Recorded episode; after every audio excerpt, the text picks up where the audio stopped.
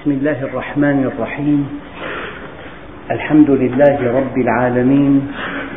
والصلاة والسلام على سيدنا محمد الصادق الوعد الأمين. اللهم لا علم لنا إلا ما علمتنا. إنك أنت العليم الحكيم. اللهم علمنا ما ينفعنا وانفعنا بما علمتنا وزدنا علما. وأرنا الحق حقا وارزقنا اتباعه. وأرنا الباطل باطلا وارزقنا اجتنابه. واجعلنا ممن يستمعون القول فيتبعون أحسنه. وأدخلنا برحمتك في عبادك الصالحين. أيها الإخوة المؤمنون مع الدرس الثالث والثلاثين من دروس سورة المائدة ومع الآية الثامنة والستين وهي قوله تعالى أعوذ بالله من الشيطان الرجيم بسم الله الرحمن الرحيم. قل يا أهل الكتاب لستم على شيء حتى تقيموا التوراة والإنجيل وما أنزل إليكم من ربكم.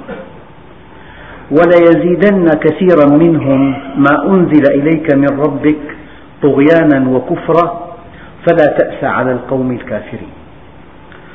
أيها الإخوة الكرام أقول وأكرر الحقيقة المرة أفضل ألف مرة من الوهم المريح. الإنسان قد يتوهم أنه على شيء وهو ليس على شيء. قد يتوهم أنه مؤمن وهو في الحقيقة ليس بمؤمن. قد يتوهم أن مصيره إلى الجنة والحقيقة قد تكون خلاف ذلك. فالبطولة أن تعرف الحقيقة المرة وأنت حي قبل أن يفوت الأوان لأن أكثر كفار الأرض حينما أدركه الغرق قال آمنت بالذي آمنت به بنو إسرائيل. فقال الله له الآن وقد عصيت من قبل. ينبغي أن تعرف الحقيقة وأنت حي. ينبغي أن تعرف الحقيقة قبل فوات الأوان. كنت أقول أيها الإخوة أن خيار الإنسان مع آلاف الموضوعات خيار قبول أو رفض قد ترفض حرفة دخلها قليل وقد ترفض سفرة نتائجها هزيلة. وقد ترفض فتاة لا يعجبك مظهرها إلا أنك مع الإيمان لك خيار وقت لا خيار قبول أو رفض. فإما أن تؤمن في الوقت المناسب أو أن إيمانك بعد فوات الأوان لا قيمة له لأن الذي قال أنا ربكم الأعلى ولأن الذي قال ما علمت لكم من إله غيري حينما أدركه الغرق قال آمنت بالذي آمنت به بنو إسرائيل. فلذلك تنطلق هذه الآيات وقد تبدو صعبة. تنطلق هذه الآيات من أن الحقيقة المرة أفضل ألف مرة من الوهم المريح. أنا أخاطب المسلمين. قد يتوهم المسلمون أنهم على شيء وهم ليسوا على شيء.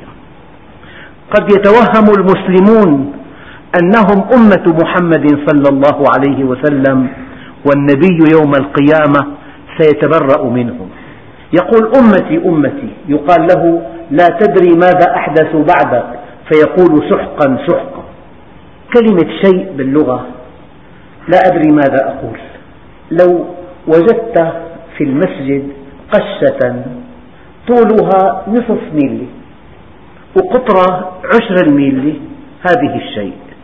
يعني أحقر شيء تتصوره هو الشيء. أقل شيء تفكر فيه هو الشيء. ليس من كلمة في اللغة العربية مدلولها أقل من الشيء. شيء. قل يا أهل الكتاب يعني يا محمد قل لهم لستم على شيء حتى وأيها المسلمون. لستم على شيء حتى. العبرة نحن البشر.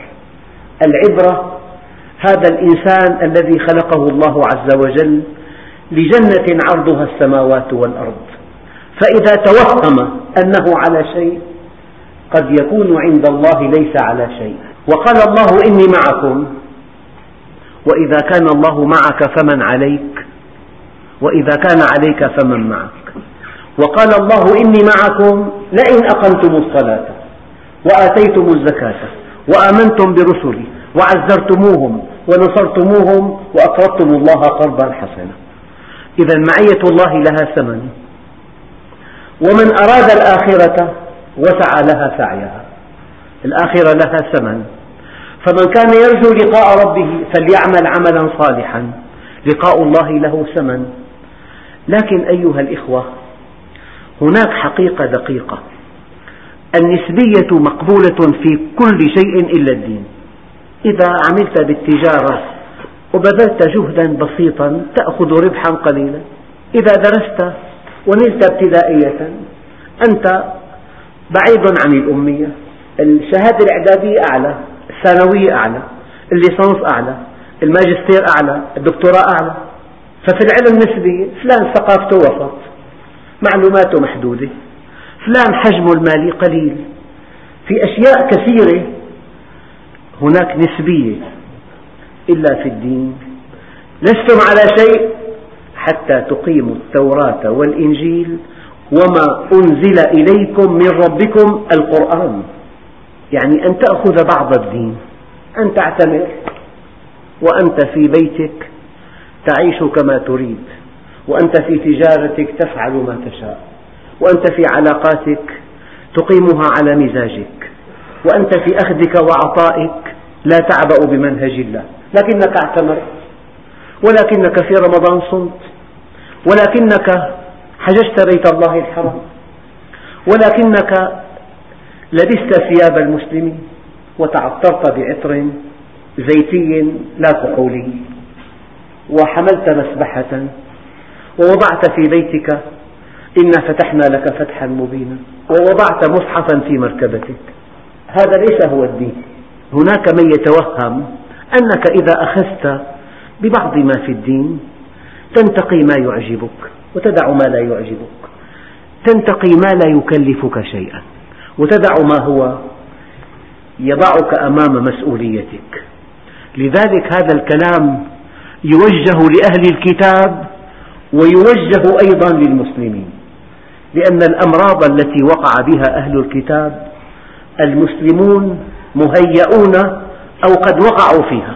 الدليل الله عز وجل أهلك بني إسرائيل لأنهم كانوا لا يتناهون عن منكر فعلوه. الآن في الأوساط الإسلامية قد تأتي ابنة أخيك وترتدي ثيابا فاضحة.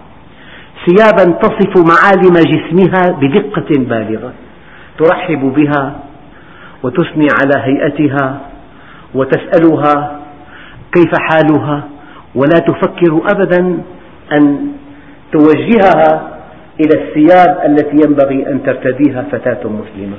أليس كذلك؟ كانوا لا يتناهون عن منكر فعلوه. والأمر بالمعروف والنهي عن المنكر هو الفريضة السادسة. فإذا ترك الأمر بالمعروف والنهي عن المنكر فقدنا خيريتنا وفقدنا كل الميزات. هذا الدين له خصيصة. إما أن تأخذه كله فتقطف ثماره وإما ألا تأخذ من ثماره شيئا. قال الإمام الغزالي العلم لا يعطيك بعضه إلا إذا أعطيته كلك فإذا أعطيته بعضك لم يعطك شيئا. كذلك الدين. إما أن تأخذ بهذا المنهج بكل تفاصيله وأنا لا أشدد عليكم لكنها الحقيقة. والدليل هذا الذي نجده في العالم الإسلامي من قهر وظلم وضياع وتشتت وتفلت وتشرذم وتجزئة وقهر. لماذا حصل ما حصل؟ لأننا لسنا على شيء. ولو كنا على شيء لعملنا غير هذه المعاملة من قبل الله عز وجل. لأن الأمر بيد الله. وطنوا أنفسكم على أن تقبلوا الحقيقة المرة. لسنا على شيء حتى نقيم القرآن الكريم بكل تفاصيله. لأن النبي عليه الصلاة والسلام قال عليكم بشيئين ما إن تمسكتم بهما لن تضلوا بعدي أبدا. كتاب الله وسنة رسوله. أيها الإخوة الكرام وطنوا أنفسكم على أن تقبلوا الحقيقة المرة. قل يا أهل الكتاب لستم على شيء حتى تقيموا التوراة التي أنزلت والإنجيل الذي أنزل وأن تؤمنوا بالقرآن الكريم. لستم على شيء حتى تقيموا التوراة والإنجيل وما أنزل إليكم من ربكم. المؤمن يحاسب نفسه حسابا عسيرا في الدنيا حتى يكون حسابه يسيرا يوم القيامة. بينما غير المؤمن يحاسب نفسه حسابا يسيرا في الدنيا فإذا هو يحاسب حسابا عسيرا يوم القيامة. وحاسبوا أنفسكم قبل أن تحاسبوا وزنوا أعمالكم قبل أن توزن عليكم. اسأل نفسك كل يوم هل بيتي إسلامي؟ هل تجارتي إسلامية؟ هل علاقاتي الاجتماعية وفق منهج الله؟ هل تغضب لله؟ هل ترضى لله؟ هل تعطي لله؟ هل تمنع لله؟ هل تتصور أن الله سيحاسبك عن كل حركة وسكنة وكلمة ولفتة وابتسامة وعبوس أم أن الأمور هكذا كما تتوهم ما من عثرة ولا خدش عود ما من عثرة ولا اختلاج عرق ولا خدش عود إلا بما قدمت أيديكم وما يعفو الله أكثر. عود نفسك أن تواجه الحقيقة الصعبة. عود نفسك أن تواجه الحقيقة المرة. قل يا أهل الكتاب ويقاس عليها. قل يا أيها المسلمون لستم على شيء. حتى تقيموا القرآن الكريم. حتى تقيموا هذا المنهج. ذلك لأن الله سبحانه وتعالى يقول وما كان الله ليعذبهم وأنت فيهم. كأننا في مأمن أن نعذب والنبي عليه الصلاة والسلام فينا. كيف يكون النبي عليه الصلاة والسلام فينا؟ طبعا حينما كان حيا الآية واضحة. ما دام النبي عليه الصلاة والسلام بين ظهرانينا فلن نعذب. ضمن الامتحان. لكن بعد أن ينتقل إلى الرفيق الأعلى ما معنى الآية؟ أي ما دامت سنته مطبقة في بيوتنا وفي أفراحنا وفي أحزاننا وفي كسب أموالنا وفي إنفاق أموالنا. ما دامت سنته مطبقة في علاقاتنا الداخلية والخارجية. فنحن في مأمن من عذاب الله. وهناك مأمن آخر وما كان الله معذبهم وهم يستغفرون. لو أن الإنسان طبق منهج الله لا يعذب ولو أنه أخطأ فاستغفر لا يعذب. لأن النبي عليه الصلاة والسلام حينما أردف سيدنا معاذا وراءه قال يا معاذ ما حق الله على عباده؟ قال الله ورسوله أعلم. أعاد عليه السؤال. قال يا معاذ ما حق الله على عباده؟ قال الله ورسوله أعلم. أعاد عليه السؤال. في المرة الثالثة قال يا معاذ حق الله على عباده أن يعبدوه وألا يشركوا به شيئا. ثم سكت عليه الصلاة والسلام لأنه مرب عظيم. أعاد عليه السؤال. يا معاذ ما حق العباد على الله إذا هم عبدوه؟ قال الله ورسوله أعلم. أعاد عليه السؤال. في المرة الثالثة ودققوا في هذه الإجابة. قال يا معاذ حق العباد على الله إذا هم عبدوه ألا يعذبهم. أنشأ الله لك حقا عليه أنك إذا أطعته لن يعذبك. فإذا كان المسلمون يعذبون ليل نهار وصبح مساء وفي كل أقطارهم معنى ذلك أن هذه رسالة من الله أن يا أيها المؤمنون غيروا ما بأنفسكم حتى أغير ما بكم. إن الله لا يغير ما بقوم حتى يغيروا ما بأنفسهم. هذه الشدة التي يتحملها المسلمون في شتى أقطارهم إنما هي رسالة من الله. قل يا أهل الكتاب لستم على شيء حتى تقيموا التوراة والإنجيل وما أنزل إليكم من ربكم. لذلك هذا القرآن الكريم منهج الله. فضل كلام الله على كلام خلقه كفضل الله على خلقه.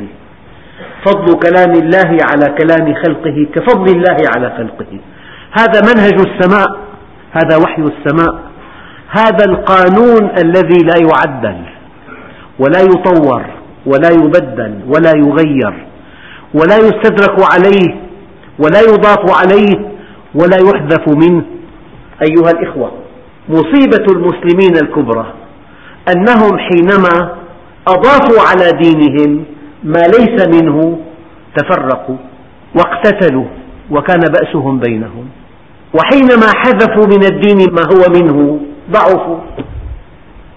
وأصبحوا في مؤخرة الأمم. هذا الدين توقيفي لا يضاف عليه لأن الإضافة عليه اتهام له بالنقص. ولا يحذف منه لأن الحذف منه اتهام له بالزيادة. اليوم أكملت لكم دينكم وأتممت عليكم نعمتي ورضيت لكم الإسلام دينا. لذلك إذا قلنا كلمة تجديد في الدين لا تعني إلا شيئا واحدا. أن ننزع عن الدين كل ما علق به مما ليس منه. هذا هو التجديد. أن ننزع عن الدين كل ما علق به مما ليس منه. التجديد في الدين أن تعود إلى ينابيعه الأصيلة. أرأيت إلى نهر برد؟ مياه عذبة صافية رخراقة رائعة. يمشي في طريقه إلى دمشق. تأتيه الروافد يمنة ويسرى في مصبه ماء أسود. أليس كذلك؟ فإذا أردت أن تجدد في هذا الدين فارجع إلى ينابيعه الأصيلة. ارجع إلى الكتاب والسنة لأن الله جل في علاه تولى حفظهما. وحفظ كتاب الله من لوازمه حفظ سنة النبي عليه الصلاة والسلام. فهذا الذي تجده في العالم الإسلامي من عناية بنص القرآن تفوق حد الخيال لأن الله تولى حفظ هذا القرآن بأمر تكويني بينما كلف الأنبياء السابقين أن يحفظوا كتبهم السماوية بأمر تكليفي والأمر التكليفي يعصى بينما الأمر التكويني لا يتبدل لأنه فعل الله عز وجل. إذا الحقيقة الأولى في هذا الدرس يجب أن نخاطب أنفسنا ونحن المعنيون والقرآن الكريم إذا تحدث عن أهل الكتاب فبأسلوب إياك أعني واسمعي يا جارة. نحن المعنيون بهذه الآية. يا أيها المسلمون لستم على شيء حتى تقيموا هذا القرآن. أما الدين له مظاهر. قد ترتدي ثوبا أبيضا يوم الجمعة وتتعطر بمسك وعطر زيتي وتحمل سبحة وتضع المصحف في مركبتك والآيات الكريمة في بيتك. وقد تقيم احتفالا بعيد المولد وقد تدعو كبار العلماء إلى عقد قران ابنك. ليس هذا هو الدين. الدين أن يجدك الله عند الحلال والحرام. ليس الولي الذي يمشي على وجه الماء ولا الذي يطير في الهواء ولكن الولي كل الولي أن يجدك حيث أمرك وأن يفتقدك حيث نهاك أن يراك الله في طاعته وأن يفتقدك في معصيته. هذه الولاية. والولاية بالمفهوم القرآني بسيطة جدا. ألا إن أولياء الله لا خوف عليهم ولا هم يحزنون؟ الذين آمنوا وكانوا يتقون. هذه الولاية كلها. ولولا أن الولاية في متناول كل إنسان لما كان الحساب عسيرا. هذا الدين أيها الإخوة مثله مثل الهواء. ينبغي أن يستنشقه كل إنسان. وهناك قاعدة في هذا الدين رائعة. الانتفاع بالشيء ليس أحد فروع العلم به. لمجرد أن تطبق هذا الدين تقطف كل ثماره. إن طبقته عن علم أو عن غير علم. بعمق فلسفي أو بغير عمق. لأن هذا الدين منهج موضوعي يعطي ثماره لكل من طبقه. الأدق من ذلك لو جاء كافر. لو جاء ملحد وطبق المنهج الإلهي في بلده لقطف ثماره. لذلك تعجب أن هذه الدول القوية كل إيجابياتها إسلامية دون أن يؤمنوا بالله. هم آمنوا بالمال هم عبدوا المال من دون الله. فطبقوا المنهج الإلهي عن ذكاء لا عن تعبد فقطفوا ثماره كلها. أيها الإخوة هذه الحقيقة الأولى. قل يا أهل الكتاب لستم على شيء على أدنى شيء ولا على قشة حتى تقيموا التوراة التي أنزلت. والإنجيل الذي أنزل إن طبقتم التوراة الذي أنزل والإنجيل الذي أنزل قاداكم هذان الكتابان إلى الإيمان بالقرآن الكريم. لو طبقتم التوراة التي أنزلت والإنجيل الذي أنزل لقادكم هذا التطبيق إلى أن تؤمنوا بالقرآن لأن في هذين الكتابين لأن في الإنجيل بشارة إلى سيدنا محمد صلى الله عليه وسلم. الآن القسم الآخر في الآية ولا يزيدن كثيرا منهم ما أنزل إليك من ربك طغيانا وكفرا. يعني الشيء المنطقي أنه كلما نزلت آية خففت تشددهم وتعنتهم وكلما جاءت الأحداث موافقة لوعد الله ووعيده ينبغي أن تخف حدة بغضهم وعدائهم. لكن الذي حصل هو عكس ذلك. كلما جاءت الآيات الباهرات تؤيد هذا الدين العظيم ازدادوا بغضا وازدادوا كفرا وازدادوا عداء وازدادوا بعدا. هذه حقيقة لها ما يقابلها بعالم الفيزياء مبدأ العطالة. الجسم المتحرك يرفض السكون والجسم الساكن يرفض الحركة. يعني أنت حينما تركب مركبة ويوقف السائق المركبة فجأة. الركاب متحركون مع المركبة يرفضون أن يقفوا. فتكون الحوادث المؤلمة. لذلك صنعوا الحزام. حزام الأمان كي تبقى مرتبطا بالمركبة إذا وقفت. فالذي يركب مركبة وتقف فجأة هو يندفع نحو الأمام. فقد يموت بفعل الصدمة. فالأجسام المتحركة ترفض السكون. والأجسام الساكنة ترفض الحركة. فالإنسان إذا مشى في طريق الكفر لا تزيده الأيام إلا كفرا. والذي مشى في طريق الإيمان لا تزيده الأيام إلا إيمانا. فاحرص على أن تكون بين المؤمنين. الإنسان أحيانا يبالغ في العداوة والبغضاء. كلما جاءت آية باهرة ازداد كفرا. وكلما جاء تأييد سماوي ازداد تعنتا. هكذا قال الله عز وجل. لذلك هذا القرآن يقول الله عز وجل عنه ولا يزيد الظالمين إلا خسارة. يقول الله عنه وهو عمى عليهم. يقول عنه القرآن يقول الله عز وجل موضحا علاقة الإنسان بالقرآن ولو نزلناه على بعض الأعجمين فقرأه عليهم. ما كانوا به مؤمنين؟ كذلك نسلكه في قلوب المجرمين. يعني إذا إنسان بعيد عن الله غارق في الشهوات منحرف لو قرأ القرآن يزداد بالقرآن بعدا عن الله عز وجل.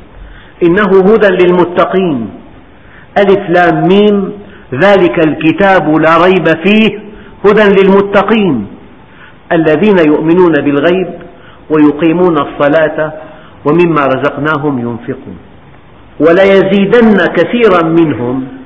ما أنزل إليك من ربك طغيانا وكفرا. الطغيان مجاوزة الحد. كلا إن الإنسان ليطغى. أن رآه استغنى. فهذا القرآن بإعجازه بكماله بوضوحه يزيد الكافر طغيانا وكفرا. فلا تأس على القوم الكافرين. هم اختاروا هذا الطريق. والإنسان مصيره باختياره. فالمؤمن اختار طاعة الله عز وجل وغير المؤمن اختار معصيته. المؤمن اختار الدار الآخرة وغير المؤمن اختار الدنيا.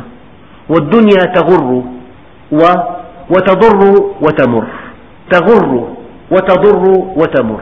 طالب العلم يؤثر الآخرة على الدنيا. فيربحهما معا. والجاهل يؤثر الدنيا على الآخرة فيخسرهما معا. يعني هؤلاء الذين آمنوا برسول الله أين هم الآن؟ في أعلى عليين. إنك إن ذهبت إلى العمرة تقف أمام قبر الصديق وتسلم عليه تقف أمام قبر عمر. أما هؤلاء الذين حاربوا النبي أين هم الآن؟ في مزبلة التاريخ. في واحد راح اعتمر وقف أمام قبر أبي جهل؟ مستحيل. إياك أن تقف في خندق معارض للحق لأن المصير في مزبلة التاريخ. أما هؤلاء الذين نصروه في الدنيا كانوا أعلاما يوم القيامة. لذلك أنا أقول لكم أيها الإخوة لا تقلق على هذا الدين إنه دين الله. مهما تآمر المتآمرون عليه مهما ائتمرت قوى البغي على هذا الدين. إنه دين الله. لكن يسمح لهم إلى حين كي يعربوا عن عداوتهم له. سوف يؤلفون لنا فرقانا. من آيات هذا الفرقان يا محمد أأنت أضللت عبادي؟ يقول يا ربي أنا ضللت فأضللته. هذا يعد لنا ليكون كتابنا المقدس بعد حين. لكن خاب ظنهم. والله طفل من أطفال العالم الإسلامي إذا سمع فقرات من هذا الفرقان الحق لا تستأهل آية منه إلا سخريته فقط. أيها الإخوة هذا كلام الله. وزوال الكون أهون على الله من أن يبدل أو يغير. ولكن نية الكافر شر من عمله. مهما فعل فهو ينوي أشد مما يفعل. يقول الله عز وجل فلا تأس على القوم الكافرين. الآية الثانية إن الذين آمنوا والذين هادوا والصابئون والنصارى من آمن منهم من آمن بالله واليوم الآخر وعمل صالحا فلا خوف عليهم ولا هم يحزنون. هذه الآية أصل في حقيقة التدين. إن الذين آمنوا أي الذين ينتمون إلى هذا الدين انتماء تاريخيا أو شكليا. والذين هادوا أتباع سيدنا موسى. والنصارى والصابئون من لا دين لهم. والنصارى أتباع سيدنا عيسى. إن الذين آمنوا أتباع سيدنا محمد. ممن كان انتماؤهم لهذا الدين انتماء شكليا صوريا تاريخيا. المليار وثلاثمئة مليون. ولا وزن لهم عند الله إطلاقا. إذا تخلى الله عنا فلأسباب وجيهة. هان أمر الله علينا فهن على الله. إن الذين آمنوا أتباع رسول الله صلى الله عليه وسلم اتباعا تاريخيا شكليا أجوفا لم يبق من الإسلام إلا اسمه. ولا من القرآن إلا رسمه. إن الذين آمنوا والذين هادوا والصابئون طبعا ينبغي أن تكون والصابئين. هذا اسمه كسر الإعراب لفتا للنظر. حتى الذين لا دين لهم والنصارى في معنى ضمني سواء عند الله. انتماء شكلي لا يقدم ولا يؤخر. أربع محلات تجارية. مكتوب على الأول حراير. الثاني أجواف الثالث قرطاسية. بس ما في بضائع إطلاقا. بس اختلاف لافتات فقط. المحلات الثلاث ليس فيها بضائع إطلاقا. إذا اختلاف شكلي. هذا الانتماء الشكلي لهذه الأديان والتعصب لها يسبب هذه الحروب الطائفية في العالم. الانتماء الشكلي دون التطبيق يسبب هذا الذي يجري في العالم اليوم. أحقاد تفوق حد الخيال. حروب قسوة إبادة قتل تمثيل. يقول عليه الصلاة والسلام من علامات آخر الزمان موت كعقاص الغنم وباء يصيب الغنم. لا يدري القاتل لما يقتل ولا المقتول فيما قتل. في تاريخ البشرية القاتل يقتل. أما الآن الحروب الأهلية خمسمئة ألف إنسان ذبحوا بأيام براوندا بجنوب أفريقيا. هلأ أقل خبر لك 200 قتيل 100 جريح. 50 100 ألف 10000 بجنوب السودان 300 ألف على وشك الموت الآن جوعا وتشردا. أيها الإخوة موت كعقاص الغنم. لا يدري القاتل لما يقتل ولا المقتول فيما قتل. يوم يذوب قلب المؤمن في جوفه. مما يرى ولا يستطيع أن يغير. إن تكلم قتلوه وإن سكت استباحوه. نحن في آخر الزمان. إن الذين آمنوا أتباع رسول الله. الذين اتبعوه اتباعا شكليا صوريا تاريخيا. حياتهم معاشهم تجارتهم علاقاتهم ليست إسلامية. إن الذين آمنوا والذين هادوا أتباع سيدنا موسى. والصابئون دين لهم والنصارى. دققوا سواء عند الله. انتماء شكلي انتماء تاريخي. هذا الانتماء الشكلي معه تعصب. والعلاقات مصالح والمصالح متناقضة إذا في حروب. تلاقي في أحقاد بين المسلمين وغير المسلمين لا يعلمها إلا الله. لأن الانتماء شكلي. الدليل فنسوا حظا مما ذكروا به. فأغرينا بينهم العداوة والبغضاء إلى يوم القيامة. الأسير عند المسلمين كان يطعم أطيب الطعام ويأكل الذي أسره أردأ الطعام. النبي عليه الصلاة والسلام خلع رداءه وألبسه لأسير. أما في بغداد يعرى الأسير ويذل وتنتهك حرماته. هكذا. لذلك فنسوا حظا مما ذكروا به فأغرينا بينهم العداوة والبغضاء إلى يوم القيامة. هذه العداوة والبغضاء بين أتباع الأديان سببها أن أتباع الأديان جميعهم نسوا ما ذكروا به. لم يطبقوا مناهجهم ولو طبقوا لاجتمعوا ولا تحاببوا. الدين أداة وحدة لا أداة تفرق. إن الذين آمنوا والذين هادوا والصابئون والنصارى المعنى الضمني الحتمي سواء عند الله انتماء شكلي لا قيمة له. كل يدعي وصلا بليلى وليلى لا تقر لهم بذاك. هلأ كل إنسان وكل فئة وكل طائفة وكل جماعة وكل دين الله لهم. والجنة لهم.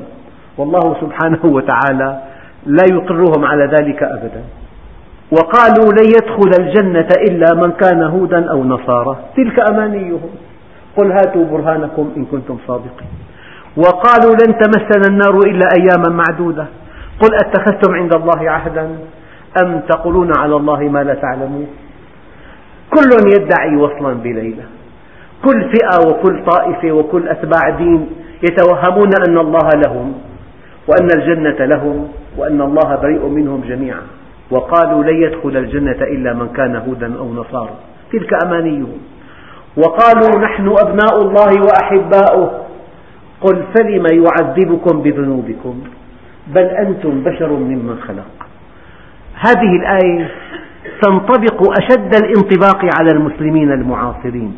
وقال المسلمون نحن أتباع أمة محمد. نحن أتباع سيد الخلق وحبيب الحق. نحن أتباع وحي السماء. يرد الله علينا. قل فلم أعذبكم بذنوبكم. في خبر صار من خمسين سنة للآن. في خبر واحد صار من خمسين سنة. أبدا. كأن الله تخلى عنا. لكنه وعدنا. وزوال الكون أهون على الله من ألا يحقق وعوده للمؤمنين. فخلف من بعدهم خلف أضاعوا الصلاة واتبعوا الشهوات فسوف يلقون غيا. وقد لقينا ذلك الغي. الآن المسلم أو المسلمون تجسيد وصفي إنسان يضرب ضرب حتى تكسر كل عظامه. إيه؟ ما اكتفينا. هذا الذي ضربه وقته ثمين ومصروفه كبير. يحتاج إلى أجرة. ضربك لأنه بده أجرة. سيأخذ كل ما تملك أجرة له. ما بكفي بدك تمدحه كمان. بدك تأكل أكلة. تدفع الأجرة وتمدح. هذا واقع المسلمين اليوم. أليس كذلك؟ إن الذين آمنوا والذين هادوا والصابئون والنصارى من آمن بالله واليوم الآخر أنت حينما تؤمن الإيمان الحقيقي الذي يحملك على طاعة الله. مقياس الإيمان أن يحملك على طاعة الله. من آمن بالله من قال لا إله إلا الله بحقها دخل الجنة. قيل وما حقها؟ قال أن تحجزه عن محارم الله. من قال لا إله إلا الله بحقها دخل الجنة. قيل وما حقها؟ قال أن تحجزه عن محارم الله. لذلك من آمن بالله الإيمان الحق واليوم الآخر أيقن أن الله معه. ويعلم وسيحاسب وسيعاقب. وما من ركنين من أركان الإيمان اقترنا أشد من الإيمان بالله واليوم الآخر. أنت حينما تعلم أن علم الله يطولك وأن قدرته تطولك لن تعصيه. لذلك لا يكفي أن تؤمن بالله. لا بد من أن تضيف إلى إيمانك بالله أنه سيحاسبك وسيعاقبك. من آمن بالله واليوم الآخر بربكم. إنسان قوي إذا قال فعل هل يعصيه أحد؟ أبدا. إنسان لك من جنسك من جلدتك من بني قومك ما دام قويا وعلمه يطولك وقدرته تطولك. أبسط مثل الإشارة حمراء والشرطي واقف. وشرطي على دراجة وسيارة فيها ضابط مرور. وأنت مواطن عادي تمشي على الأحمر في أبسط من هيك سؤال؟ إذا أيقنت أن علم واضع قانون السير يطولك من خلال هذا الشرطي وأن قدرته تطولك من خلال سحب الإجازة ومصادرة السيارة لا تعصيه هذا القانون أبدا.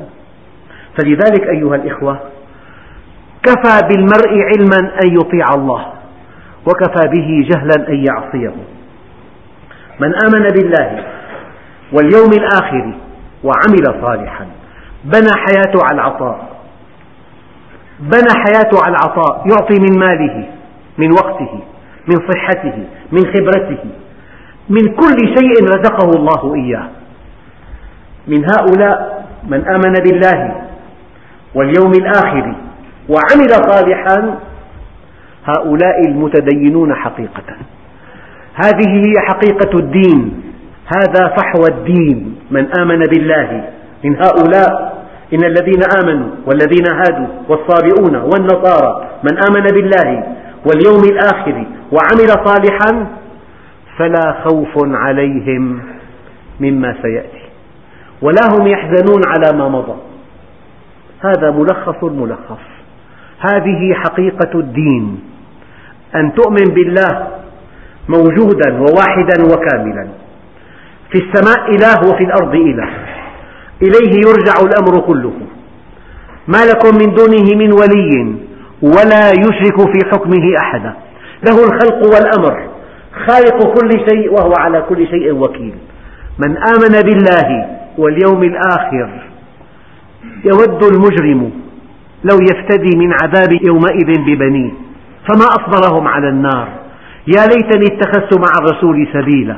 يا ويلتى ليتني لم أتخذ فلانا خليلا. إن إلينا إيابهم ثم إن علينا حسابهم. يا أيتها النفس المطمئنة ارجعي إلى ربك راضية مرضية. من آمن بالله واليوم الآخر وعمل صالحا فلا خوف عليهم مما سيكون ولا هم يحزنون على ما مضى. أيها الإخوة الكرام الآيات التي قرأناها موجهة إلينا نحن المسلمين إلينا موجهة. لا تخاطب بها غير المسلمين. موجهة إلينا. ولكن من باب إياك أعني واسمعي يا جارة فنحن كمسلمين والله لا أبالغ. لسنا على شيء حتى نقيم القرآن الكريم في بيوتنا. وفي أعمالنا وفي تجارتنا وفي كسب أموالنا وفي إنفاق أموالنا وفي لهونا وفي أفراحنا وفي أتراحنا وفي إقامتنا وفي سفرنا. فإن لم نفعل لسنا على شيء. وليس لنا عند الله ولا ميزة. هذه الحقيقة المرة التي أعتقد أنها أفضل ألف مرة من الوهم المريح. والحمد لله رب العالمين.